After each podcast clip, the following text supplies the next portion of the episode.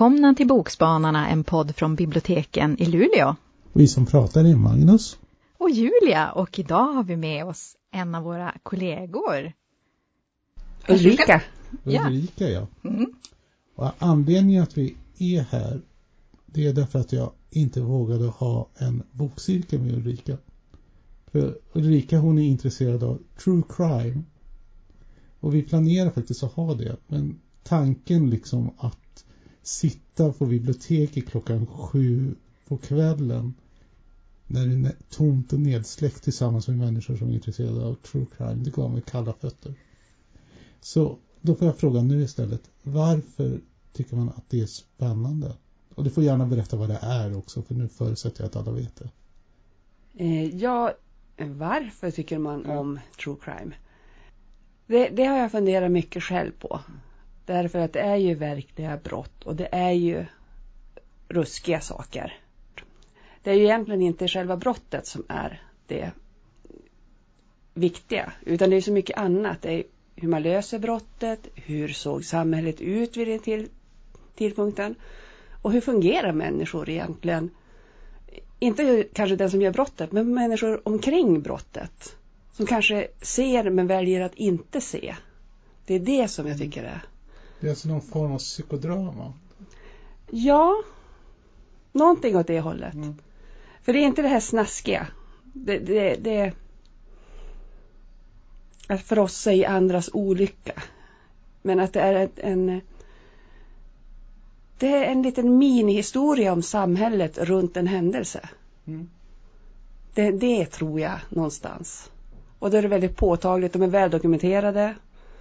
Poliserna har ju ofta beskrivit saker och ting så att det, man får så, så grundlig genomgång hur såg samhället ut just där, just då. Mm. Finns det några så ramar för det som man brukar kalla för true crime? Kan man skriva om hur gamla brott som helst eller ska de ha skett på 1900-talet? Nej då. Eller 2000-talet? De kan vara hur gamla som helst. Eh. För det finns ju en verklighet. Och det är den verkligheten man vill hitta. Men ibland går tiden så långt att vi kan inte hitta den. Men det hindrar ju inte att vi försöker mm. ändå leta den. Och det är därför man kan läsa ända från egentligen det första stora mordmålet, mm. Jack the Ripper och framåt. Mm. Och på tal om Jack the Ripper, då måste jag ta och tipsa om en bok som jag läst. Fem kvinnor, den aldrig återgivna historien om Jack the Rippers offer av Hailey Rubenhold. Och i den får man ju verkligen veta vilka var de här kvinnorna. Eh, och eh, det beskrivs deras olika öden och de kopplas ju samman då av att de mött samma tragiska och våldsamma slut. Eh, och vilka var de? Hur såg livet ut? Eh, hon försöker svara på det. Uppväxt, familjeförhållanden och just det här med samhället de levde i. Hur, hur hamnar de på det stället där, de hade, där Jack the Ripper hade möjlighet att, att mörda dem utan först att någon, någon märkte det? Och då är det ju liksom alkoholism, övergivna barn, tappade kontakter med familj, trångboddhet, fattigdom, leva från lön till lön. Alltså i lägre klasserna var det ju inte långt från att hamna på gatan. Det behövde ju bara att man, man det behövdes ju verkligen inte bara att någon i familjen blev sjuk, den som kanske var familjeförsörjaren och inte kunde jobba något mer, så hamnade hela familjen på gatan. Eh, och en av kvinnorna kom från Sverige faktiskt. Elisabeth Stride. Hon föddes i en småbrukarfamilj i Torslanda och vi får följa henne då från uppväxten från arbetet som tjänsteflicka i Göteborg och hon med båt och tog sig till, till London och hur hennes liv var där. Ehm, så det tyckte jag var väldigt intressant och i boken finns det också de bilder som det finns bevarade på vissa av dem och husen de bodde i och kartor över hur London såg ut på den tiden. Ehm, och just det här intressanta med sensations eh, det här med sensationsjournalistiken, liksom, då var det som att åh, alla var prostituerade, alla var, alltså de ville ju ha det så smaskigt som möjligt. Men det har det ju visat sig att de var ju inte alla prostituerade. Ehm, exempelvis liksom. att det tror ju den här författaren att det bara det var ett sätt att stödja den här industrin kring Jack the Ripper som, som, som liksom har blivit en hel industri som folk tjänar pengar på. Um, så det, det, det, var skönt att få läsa att, att de blev mer än bara offer, utan de fick liksom form i den här boken och man fick liksom verkligen veta ordentligt om dem, hur de hade hamnat där de var. Um, så jag tyckte den var väldigt intressant så jag kan verkligen rekommendera den. Har du läst den? Nej, inte just den där. Jag har läst, eh, eller jag lyssnar ju mest på böcker. Mm. En annan bok som jag lyssnar på i två delar om Jack the Ripper, en mm. svensk som har skrivit. Och det är också det här att, att ge historien en form. Och att särskilt när det är äldre fall är det ju så mycket myter. Ja. För att alla var inte prostituerade. Men väldigt, väldigt många var tog till det när det verkligen det fanns inga andra sätt att försörja sig. Så på det sättet så hade väldigt många varit inblandade i det. Men det betyder inte att det var deras huvudsakliga och enda Jo, men det blir också den här skuldbeläggningen som att de var prostituerade, då är det nästan deras eget fel. Ja. Den smaskig, alltså utan alla är ju människor. Och det var ju bara för att de var i utsatta situationer som de blev och råkade väl... vägen för den här liksom, vet vad man ska kalla psykopaten eller mördaren eller vad man ska kalla att han var för någonting. Det vet man inte. Det vet ju inte. Nej, men de var i, de var, vad heter det, som försvarslös, mm. en försvarslös situation i en, en utsatt situation. I ett väldigt, väldigt utsatt område. Ja. Där du inte hade några val. Nej. Egentligen. Och det är ju som du säger, tidningarna hakar på. Det blir en industri runt om. Och just det den ena boken som jag har läst nyligt. Jag läst två böcker som båda är från Sverige. Eh, I den ena boken är det väldigt tydligt hur pressen kan påverka och media påverkar utgången och när det blir ett drev. Eh, ska jag säga vilka böcker det är? Det kan du göra. Då ska vi se. Mördaren i folkhemmet. Eh, och den andra heter Söndagsvägen. Det är olika författare. Ja, vem har skrivit dem då? De har skrivit om mord i folkhemmet och eh, under rekordåren. När Sverige hade det som bäst. Och i den ena historien, den första, då är det en känd person. Olle Möller han var löpare, han var bäst i Sverige på att springa, han var jättekänd.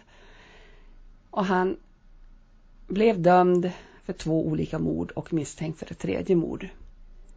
Men han hävdade hela tiden att han var oskyldig. Eh, de här morden skedde 36 och 59 och det han var misstänkt för var skedde 55. Så då var det ju verkligen på toppen av välfärden. Sverige var ju en idyll som vi ser i efterhand. Eh, den andra Söndagsvägen, det är Peter Englund. Det mordet skedde 65. Och det är en tid som vi tittar tillbaka på. De är i samma tid. Mm. Och de beskriver väldigt målande hur det var. Det var amazoner. Det var Hylands hörna. Och det var en poliskår som inte än hade alla verktyg som vi har nu. Utan det är ju det här med att utreda mord, det är ju från Jack Rippers tid till nu är det ju enormt stor utveckling. Det är det ju. Det första kriminalfotot förresten någonsin är taget på Jack the Rippers, ett av hans offer.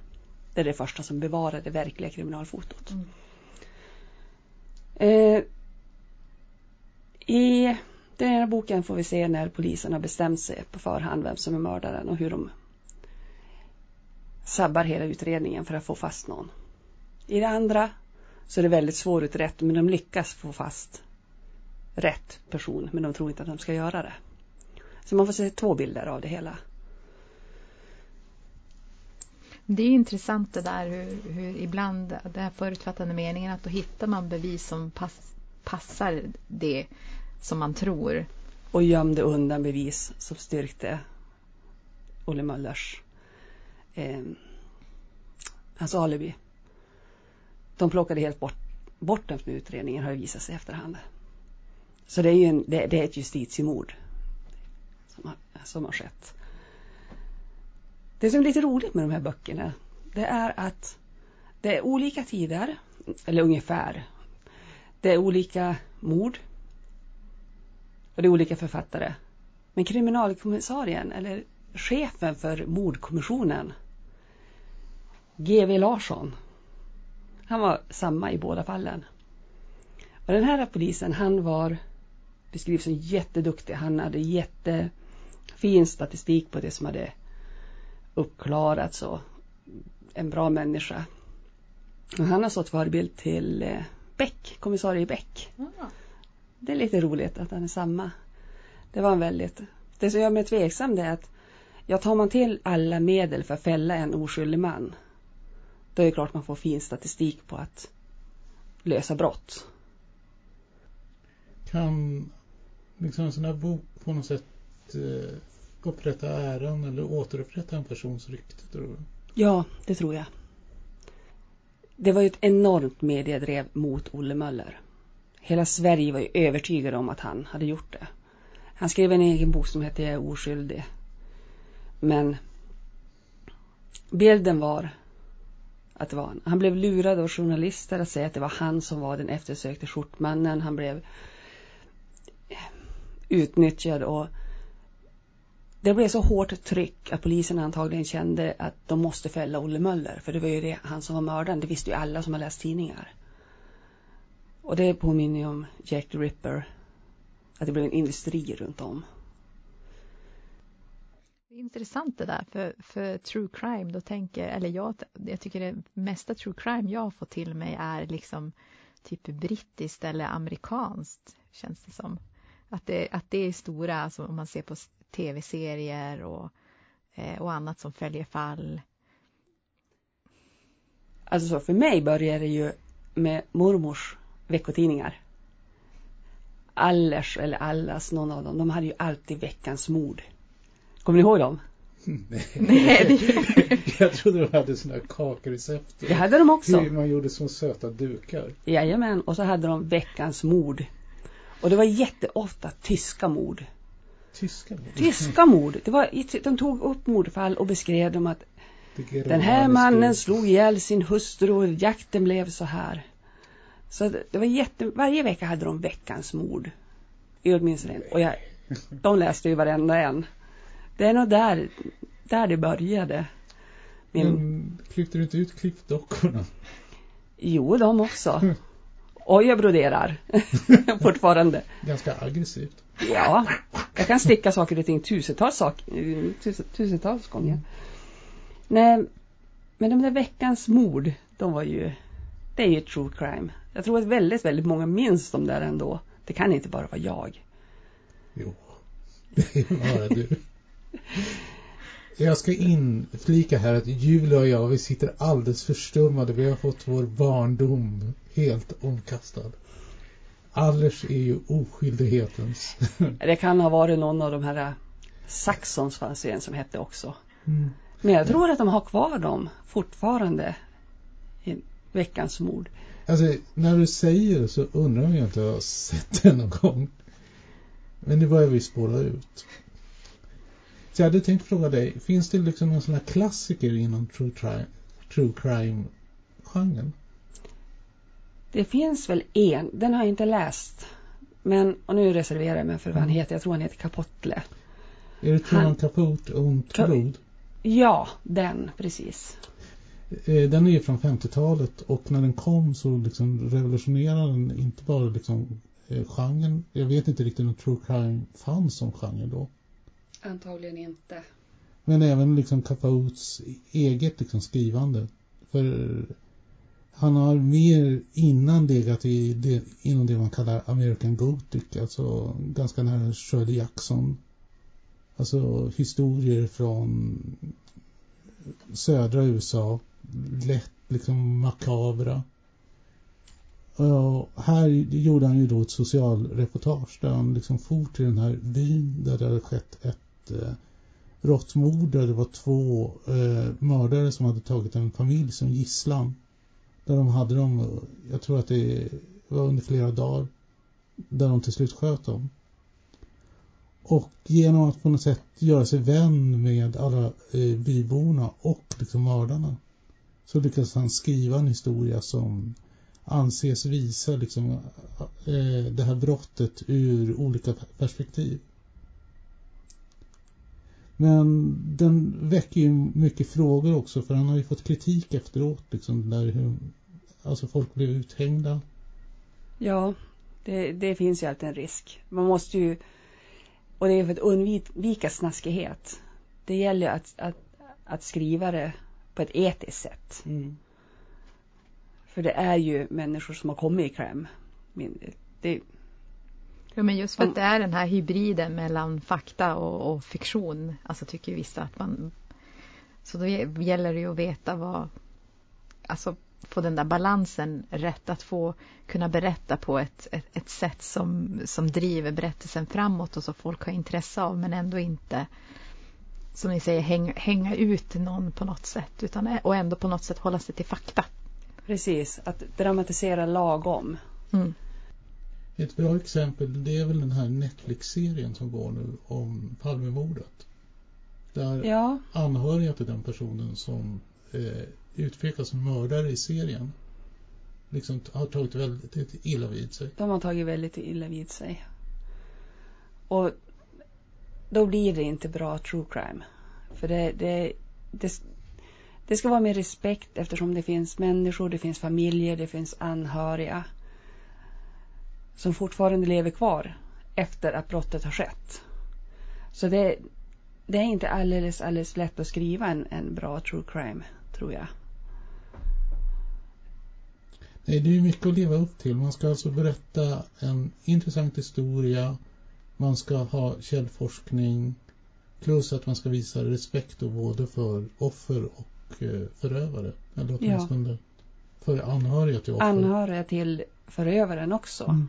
För det, de kan ju ha vara helt, alltså aldrig vet om att det har hänt eller någonting och sen blir de uthängda för ett namnet om de har ett ovanligt efternamn eller någonting. Så det handlar ju om att skriva med respekt och inte frossa i det.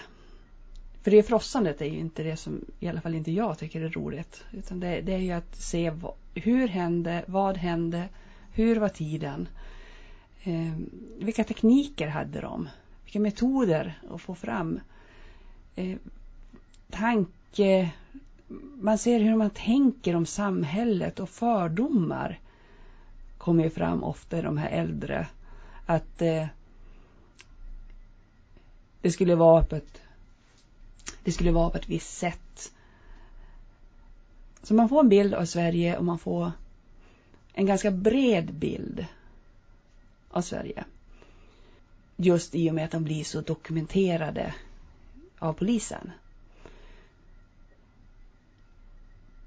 Vad går då gränsen för genren? Alltså ska det vara mord? Jag tänker det finns ju böcker om tvångssteriliseringar till exempel. Faktaböcker. Det är ju något som har hänt. Ja. Det är också att det ger en bild av Sverige. Men det betraktas sällan som true crime. Jag tror att det ska vara ett brott men jag vet inte riktigt. Men allt som kan, som tvångssterilisering. Jag kan inte säga det ordet. Ja, men det eh. kan inte vi heller. det, men om man, oftast är ju polisen inblandad. Mm. Alltså det ska vara ett crime, ett brott. Ett mm. verkligt brott. Tror jag. Jag kan inte de här vad som är vad. Eh, utan just för att den heter true crime så tror jag det mest att det ska vara ett brott. En förövare som har gjort någonting och en utredning på något vis. Många av de här böckerna de är ju jättepopulära om man köper böcker. Då ju, finns det ju genrer, alltså genren finns ju true crime, att man kan söka på true crime och få fram böcker. I biblioteket är den inte lika populär. Men däremot så finns ju många av de här böckerna i, i bland biografierna, där hittar man en hel del true crime böcker. Både sådana där de själva har berättat sin historia och där andra berättar historien om ett brott. Så det är biografierna man, som man ska börja och titta i alltså? Man kan börja där. Mm. Då får man det lite mer dramatiserade språket också så kan vara lättare att, att läsa.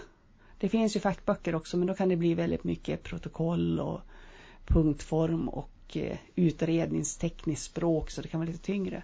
Det kan fortfarande vara väldigt intressant men, men true crime är en sån genre som många tänker ska vara man tänker att usch, det där vill man inte läsa. Det är ju Mm. hemskt. Ja. Men det beror ju på vad man fokuserar i.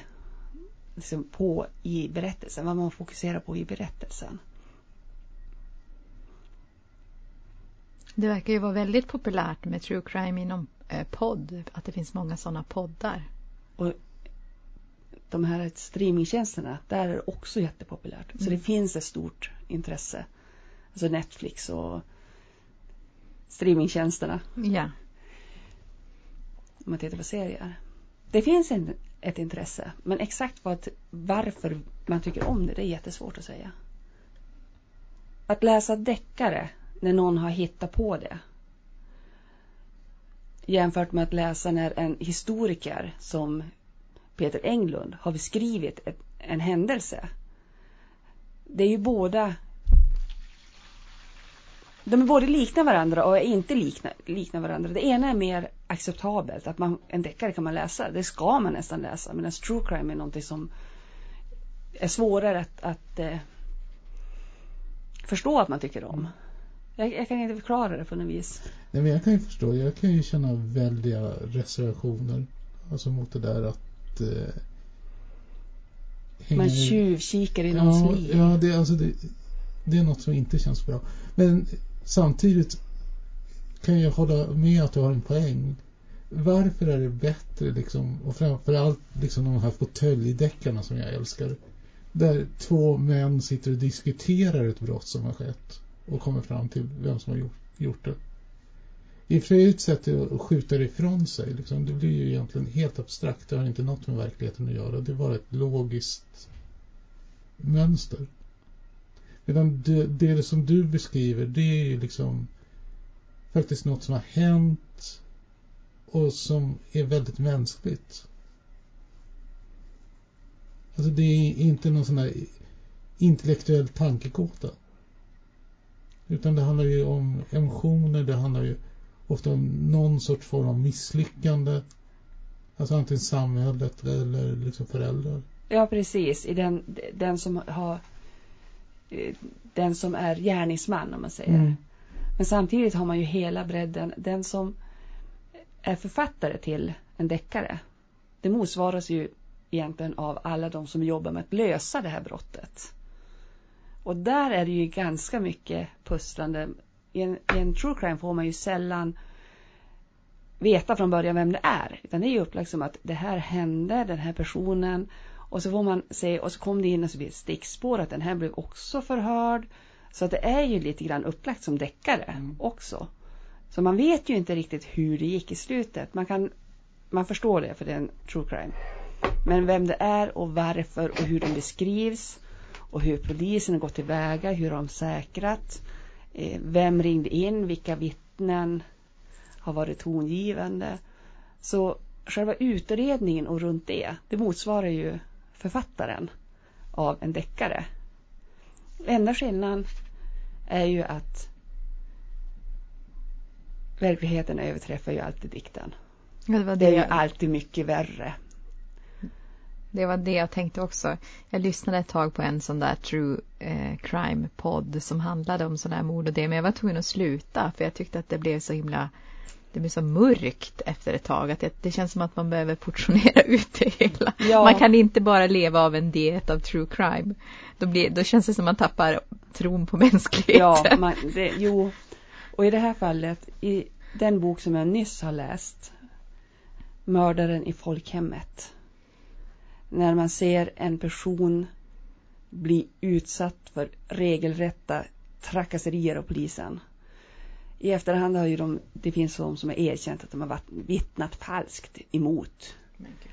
Eh, de har gömt bevis. De har eh, pressat. De har gjort alla fel man kan göra. Den orkar jag inte läsa. Jag blir, jag blir så frustrerad och upprörd. Att det brinner i bröstet på mig. Jag, det, det, ett, ja, de fick en mördare fälld. Men de fick ju fel man. Det tror ju jag efter att ha läst den här boken. Men det får ju vem som helst som läser den göra bedömningen. Det är väl det med true crime att det blir lite närmare. Det blir viktigare vem det är som egentligen har mördat. En, en, en deckare då kan det vem som helst ha gjort det. Med true crime då är det ju verkliga fall. Så det blir lite mer engagerande, tycker jag. Mm. Och det är som sagt var inte själva brottet eller mordet. Det är inte vart, hur, med vad begicks brottet. Men polisens arbete med att hitta det och hur brottsutredningstekniken har gått framåt. Och där finns också en bok. Eh, Val McDermid, Brottets gåta.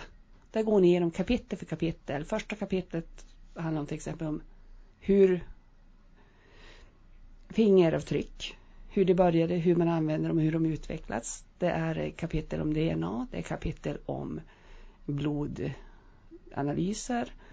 Och då har han tagit en metod och sen ett brott och beskrivit och polisen använder det och hur det utvecklas till att fungera idag. Så en del av mig tycker att läser man deckare då bör man ha läst den fackboken också. Så man kan verkligen se hur polisen jobbar. Jag tycker inte om deckare. Men du har missförstått det. Det, det finns ju sådana mysdeckare. Då är ju morden trevliga. Mord är väl aldrig trevliga? oh, jag läste en eh, som jag nu inte kommer ihåg vad den heter, skam. Den handlar om eh, däck, eh, mord och stickning. Där de var mer upptagna att titta på offrets jumper och liksom hur maskorna såg ut och vilken teknik eh, jumpen var gjord i än liksom själva offret. Okej, okay, jag förstår poängen. Teknik är alltid bra.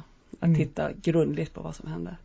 Det här var ett ganska hemskt avsnitt så jag tror att jag måste avsluta nu och jag kommer inte titta under sängen när jag går och lägger mig ikväll. Men du kanske hittar en polis där som hjälper dig? vad skulle de göra där? Jag som är så oskyldig. Men då tänkte jag bara berätta att jag tipsade ju om Fem kvinnor, den aldrig åter, återgivna historien om Jack the Rippers offer av Hailey Rubenhold. Och jag pratade lite om Truman Capotes Ont blod. Och vilka böcker pratade du om Ulrika? Och jag tipsade om Peter Englunds bok Söndagsvägen och Mördaren i folkhemmet av Lena Ebervall och Per E Samuelsson. Och då har vi väl bara att säga hej då. Och jag säger att jag hoppas att vi kommer höras igen. Men jag kan aldrig veta. Hej då allihopa. Hej.